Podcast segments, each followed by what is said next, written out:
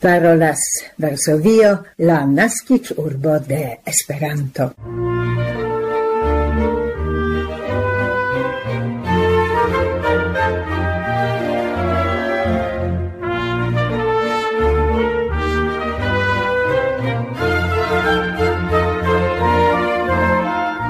Bonvenon, carei auscultantoi, en la 1289 Esperanto elsendo el Varsovio la dec quinan de decembro 2023. En la tago de la censas dec quara nascic de Treveno de la creinto de Esperanto Ludovico Zamenhof. Aparta tago por nia redakcio, por nia tuta komunumo, kaj la okazo por transdoni gratuloin kaj bondesiroin tiu ocase al ciui niei auscultantoi, cie ain atingas ilin nea vocio, al ciui esperanto parolantoi, ciui practicen vivigas la idon de iuna juda knabo el Bialistoco, che interhoma intercomprenigio estas ebla se ni usas comunan universalan lingvon. Hodiaŭ nia antaŭmikrofona gasto estas Katalin Kovac, kies edukplatformo edukado.net ĝuste hodiaŭ solenas sian dudek du jariĝon. En la elsendo vi trovos ankaŭ multajn interesajn Esperanto-informojn, sed tradicie la programon, por kiu invitas Barbara Pietrzak, Milana Szwedo, Pamela Krzypkowska, Krystyna Grochocka kaj Maciej Jaskot komencas Kultur Kronika Informuj.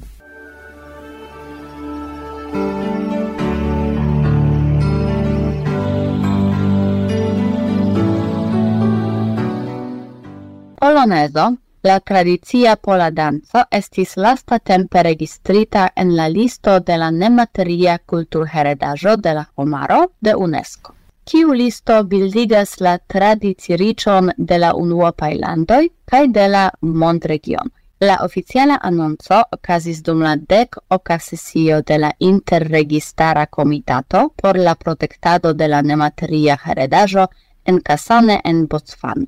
Polonezo estas unu el la plej malnovaj polaj naciaj dancoj, konata kiel paŝdanco kaj ekde la dek sepa jarcento nomata polonezo. Temas pri grupa danco kun solena kaj samtempe ĝojplena karaktero, dancata de paroj kiuj ritme sekvas unu la alia. Ĝi unuflanke deriviĝas el la regionaj paŝdancoj, sed aliflanke ligas al la tradiciaj kortegaj dancoj. Same gie musica tavolo, kiel la dans movoi de dancistoi, spegulas multain naziain traitoin. Gi enfazas la nazian kai samtempe individuan fieron. La dancisto manifestas apartan atorgentilecon kai protectemon rilate alla cundanzantino, kies belezon kai charmon li fiere presentas alla extero. Polonezo ludis essencan rolon en la tempo, kiam Poleco estis endangerigita. Gi tra iarcentoi accompagnis poloin sen depende de situacio kaj circonstanzoi. Gis hodiau, gi giuas ne malgrandigiantan popularecon, inter alie dank al junularo, kiu pere de Polonezo tradizie comensas siain abiturientain baloi. Polonezo dufoje estis registrita en la pola listo de la cultura heredajo en 2015 cune kun la aliaj polaj nasiai dancoj kaj en 2019 kiel aparta kulturmanifestiĝo. Ĝi estas la sesa pola tradicio registrita ĝis nun en UNESCO listo.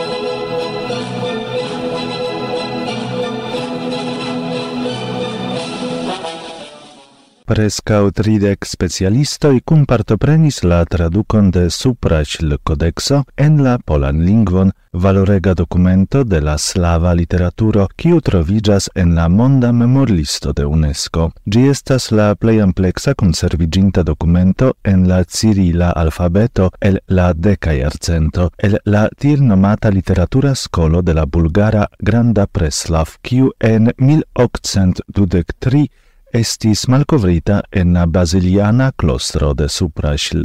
Calculata al la plei malnovai cae plei valorai documentoi, gi estas nepritaxeble valora fonto por la esploroi pri la malnov kirka slava lingvo. Gin havas dudec sep sanctul biografioin cae dudec du instruoin de la patroi de la ecclesio por la monato marto, cae crome unu pregion. La codexo havas ducent ogdec quin pagioin, el inter ciui cent quindec unu trovigas en la Pola Nazia Biblioteco en Varsovio, cent dec og en la Universitata Biblioteco en Ljubljano, Slovenio, cae dec ses en la Rusa Nazia Biblioteco en Sankt Peterburgo. La traducon de la codexo en la polan lingvon, en tute la unu en la mondo oficiala traduco en la modernan lingvon, entreprenis la fondajo Oikonomos, cun labore cun la podlachia libraro. Aparta malfacilo ligigis cun la traduco de quelccent unicai vortoi aperantai en la codexo. La defio estis concludi pri kiu vorto temas cae en kiu senso gin usi, kion gi signifas, cae kiel usi gin en la pola lingvo. La celo de la tuta entrepreno ligita cun la miliarigio de la codexo, la quincenta da treveno de gia veno al suprasl, cae la ducenta da treveno de gia malcovro en la Basiliana clostro estas popularigi la codexon cae encirculigi gin en la polain scienzain rondoin.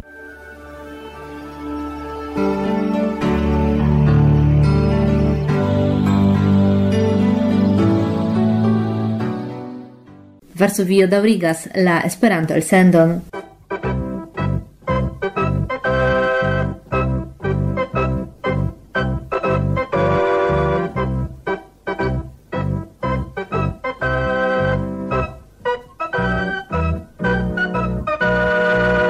la ondo de Esperanto la dudek sesan fojon elektis plebiscite esperantiston de la jaro el la porocasa comunico de la premi secretario Pavel Fischer-Kotowski ni exias ca en 1923 citium titolon ricevis Sun Minjao, semio, la quindec naujaraĝa esperantisto el Cenio, kiu disvastigas la lingvon en universitatei rondoi. Antau de jaroj li iniciatis internacian Esperanto Museum en la Universitato de Zauzuan, kiu rapide ferigis la plei granda tiutipa institucio en Azio kaj unu en la plei grandaj en la mondo kun dodexes mil ekspoziciaĵoj sur sescent quadratei metroi. metroj. Dum pluraj jaroj Son Minĝao instruis Esperanton en la sama universitato ekde 2010 ok kadre de la nova kvarjara bakalaŭra programo. En 2023 li emeritiĝis, sed daŭre aktivas por Esperanto.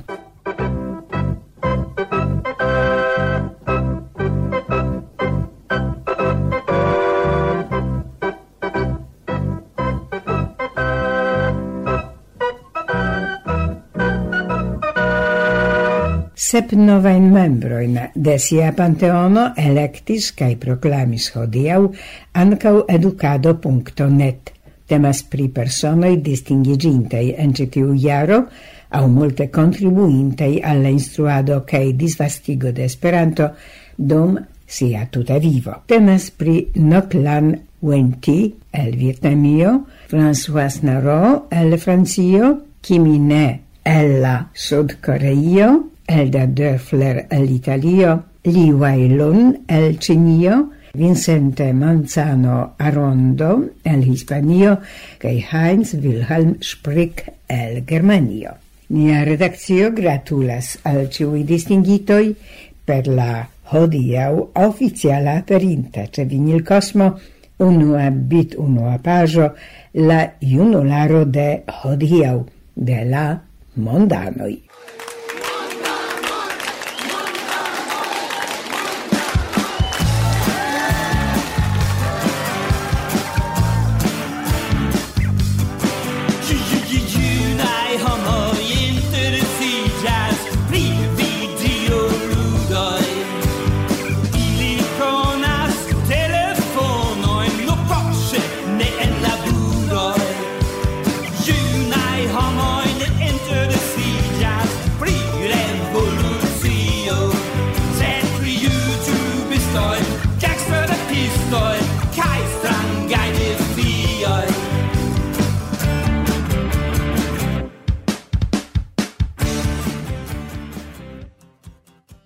parolas Varsovio en Esperanto. La sesan de decembro 2023 en Kaunas okazis grava kaj historia evento por Litova Esperanto movado. Dum la kunsido de la rektoraro de la Kauna Universitato estis solene subskribita kontrakto pri kunlaboro kun Litova Esperanto Asocio. La contracton subscribis gia rectoro, professoro Juoza Sagutis, cae la presidanto de Litova Esperanto Asocio, Povilas Jegorovas ce estis ciui membroi de la rectoraro, la rectoro, vicrectoroi, decanoi, directoroi de la institutoi, cancelieroi de la academioi, catedroestroi, directoroi de quelcae departamentoi cae aliai gravuloi.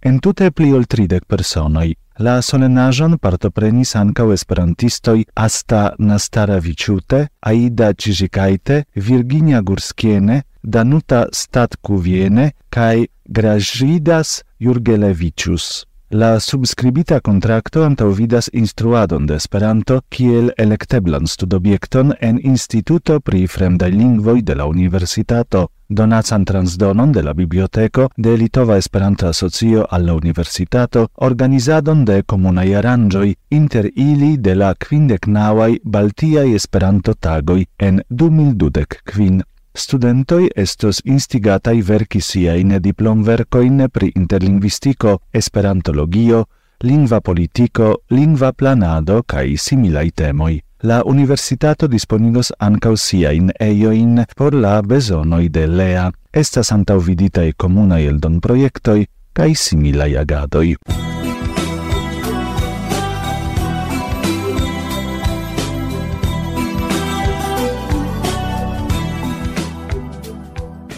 Kiel ni exciis el Facebooko, antau quelcae tagoi la presidanto de la Litova Esperanto Asocio ricevis profesiulan distingon, kiel informas sezonoi la ocan de decembro 2023 dum solena conveno dedicita alla cent quiniarigio de Litovia advocataro En Litova Nacia Filharmonio en Vilno, la prezidanto de Litova Esperanto Asocio, advocato Povilas Jegorovas, ricevis la plej altan distingon de Litovia advocataro honor signon pro elstarei meritoi alla Litovia advocataro cae comunumo de advocatoi.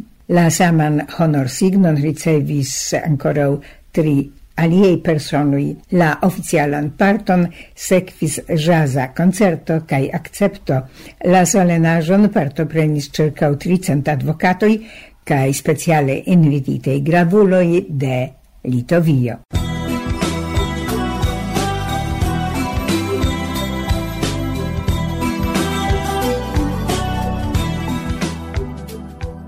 La dudec unuan de octobro du dudec tri En Jelenia Gura, la suda Pollando, oni solenis la tridec iarigion de la pola seccio de la Internazia Polica Asocio. Dum gi estis publice lancita la restaurita informtabulo sur la rock monumento de Ludovico Zamenhof ce Korczak strato, kiun restauron iniciatis Rafał Gula el Jelenia Gura. Por la solenajo venis representantoi de IPA el Pollando, Danio, Litovio kaj Estonio kaj esperantistoj el Teplice, Łódź, Zabrze, Gliwice kaj Wrocław. Por ocasain paroladoin presentis la presidentoi de IPA en Pollando kaj de Pola Esperanto Asocio. Post la rencontigio ĉe la monumento pri ol cent personoj, inkluzive de la nuna kaj exai PEA parto partoprenis en la arbara gasteio urocisco la cefain eventoin ligitaj kun IPA jubileo. Estis aliugitei medaloi kaj diplomoj, rememorita la historio de la pola sekcio de IPA. Stanisław Mandrak prezentis la prelegon Esperanto kaj la polico. La eventoplenan tagon finis bankedo kaj arta programo. Kvartagoin post citiu solenajo la skvaro ce Korčak strato, kie trovigas la renovigita rock monumento de Ludovico Zamenhof laula decido de la urbo autoritatoi, ricevis la nomon Esperanto skvaro.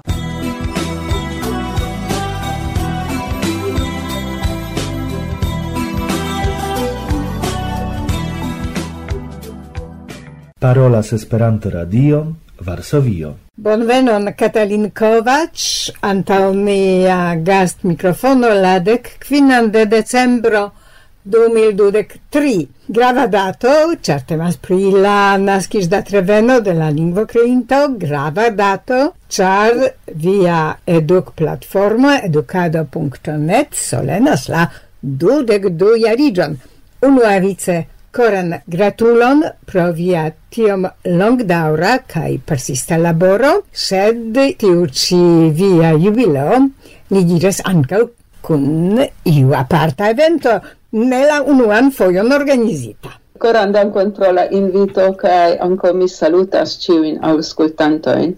Yes, anco ni festas kai estis iel arte farita tamen hazarda afero che ni lancis dudek du jaroin antove giuste en la Zamenhof tago nian reteion, quancam giam havas sian trian formon, char oni devis reconstrui gin, tamen laboras mi inter la samaj kondiĉoj kaj laŭ la samaj strukturoj por servi la Esperanto instruistojn kaj lernantojn. Kaj por festi tion ni kelkfoje faris grandan torton, kelkfoje ni estis en Francio kaj en iu studgrupo ni festis, mi faris el papero grandan abion distrancis kaj oni povis aĉeti parton kaj tiel ni elektis donacojn.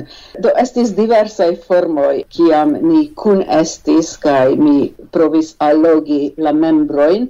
Cetere mi aldonu ke edukado ne ĝuste nun havas sep mil, presco quincent membroin. Certe ne ciu activas cae ec vivas, sed etse ni havas nur quin mil, cae el tiui pli ol mil regule usas la reteion, mi opinias tion granda rezulto. Hodiau, do la decvinan de decembro, mi facte nun elpensis compreneble retan rendevuon, kiel ni rencontigas nun tempe plurfoje, kai lautio mi annoncis tri diversain horoin, circa tagmezo en Europo vespere kai noctmeze, pli mal pli, porque el ciu mont parto oni povu atingi nin en la longo de la tago, kai mi dejoras ce la computilo kai oni povas veni kai eh, ne resti kun mi dum tuta horo kvankam tio ofta okazas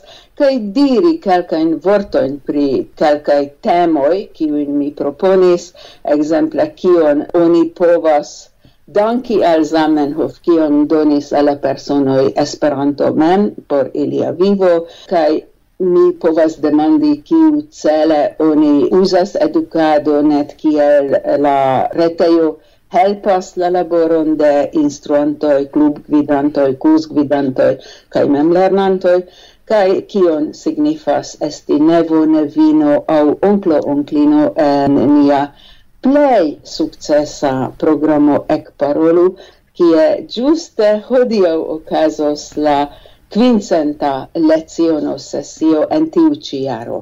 Anco cum la sessioi ni proximigas al quin mil, ni donis al individuoi. Do, Estas re gioiga afero vidi plurain homoin, et se por calcae minutoi Cestos ancora u gravae personoi, ca mi invitas anco vin, Barbara, visiti nin de la estraro nepre, en diversai tempoi ni dividis kiu kiam dejoras kun mi.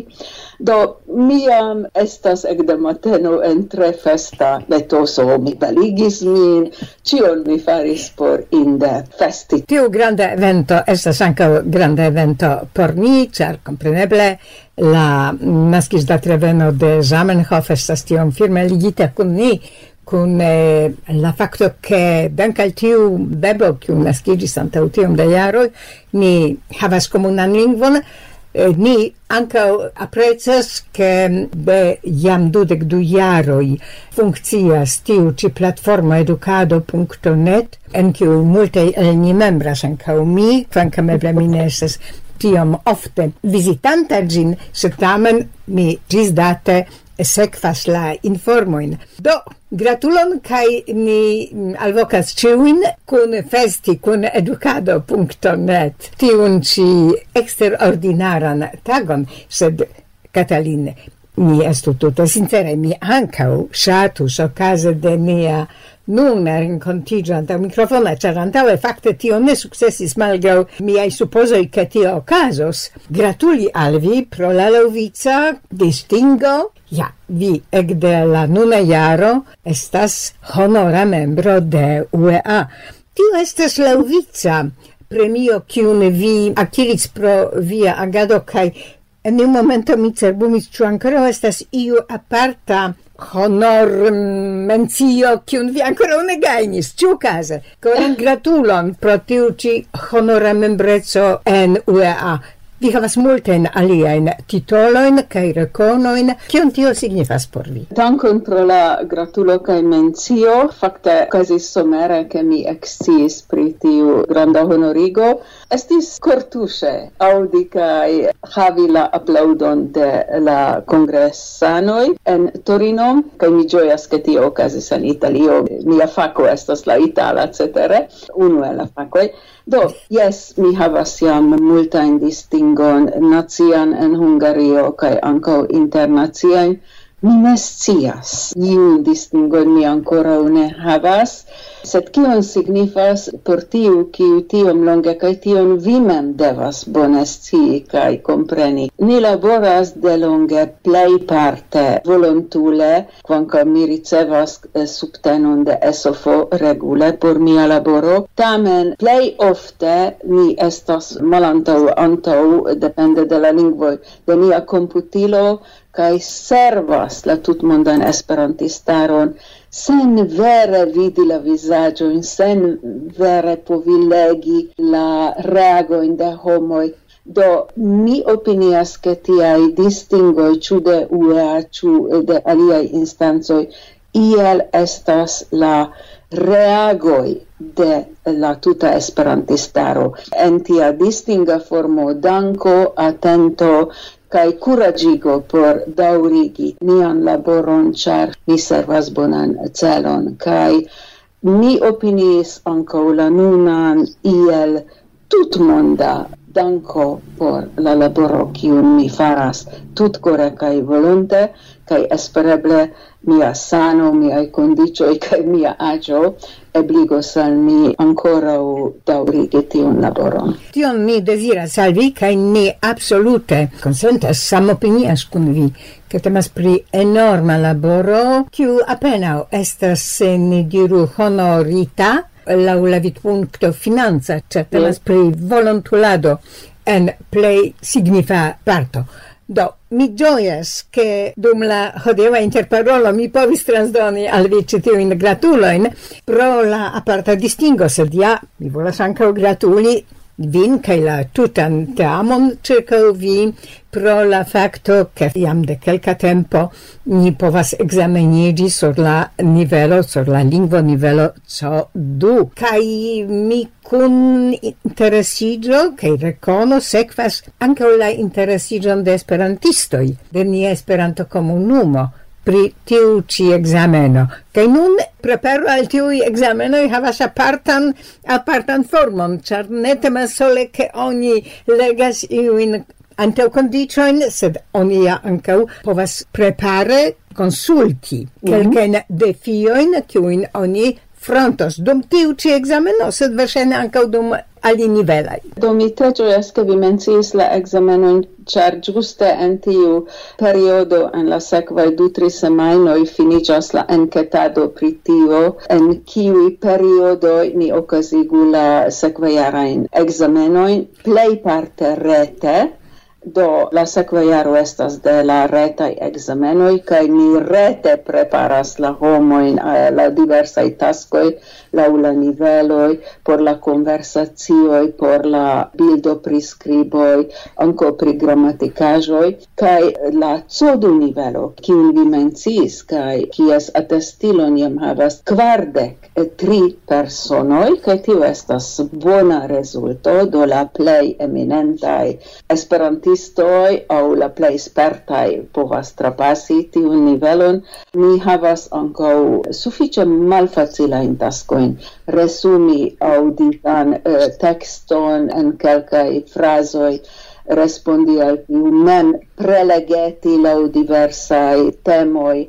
Cun preparo de dudek minutoi do la codu estas tute alia tipo kai ni bezonas prepari la homoin por tiui al pasoi mi farigis model examenoi do filmis ilin, mi disponigas, do krom la organizado trovado de homoj la unuaj kvin monatoi de la jaro, pasas tiel che la ge oncloi de ec parolu mimem cae calcae la collegoi daure annunzas prepar sessioin, mi rete au fisice visitas aranjoin, tio eblas nun cefe en Europo, exemple la congresson en Strasburgo, mi mem vizitos kaj okazigos seminariojn ĵus la examenoi.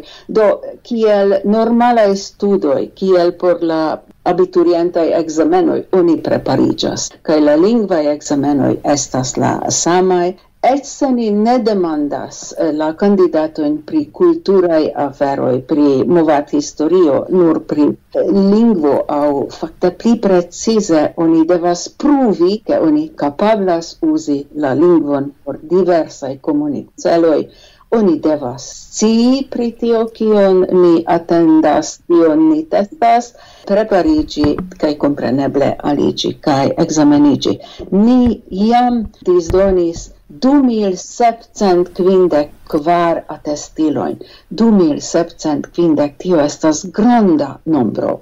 Kaj ni cie en eh, uh, platformoi seriozaj, kie mi pledas por Esperanto, ni ciam mencias tiun numeron, ĉar estas fakto pri tio, che Esperanto ne estas hobio, ne io malserioza afero, ludo, sed estas de la Europae instancoj de la gravuloj pri lingvo instruado kaj testado sufiĉe rimarkenda afero apprezzata kaj ni tre fieras pri tio.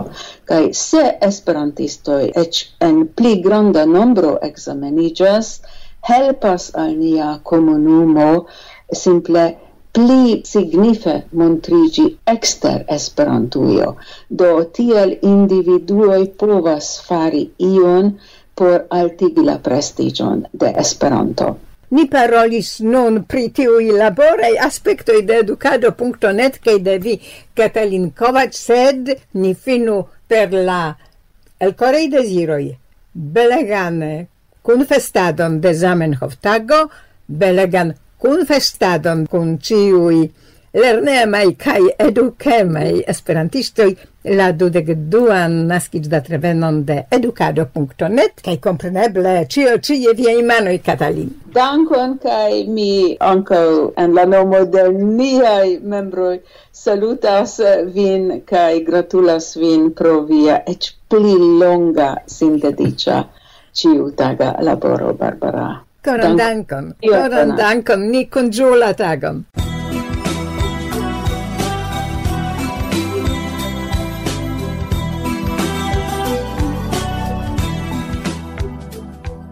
Gesignore nia hodiaŭa Esperanto elsendo el Varsovio proximigis alla fino, cum l'espero che vi trovis gian en havon interesa, ni dancem attendas viaen ragaen commentoin cae subtenon por nia daura laboro cae funcciado. Signorinoi cae signori, gis la raŭdo.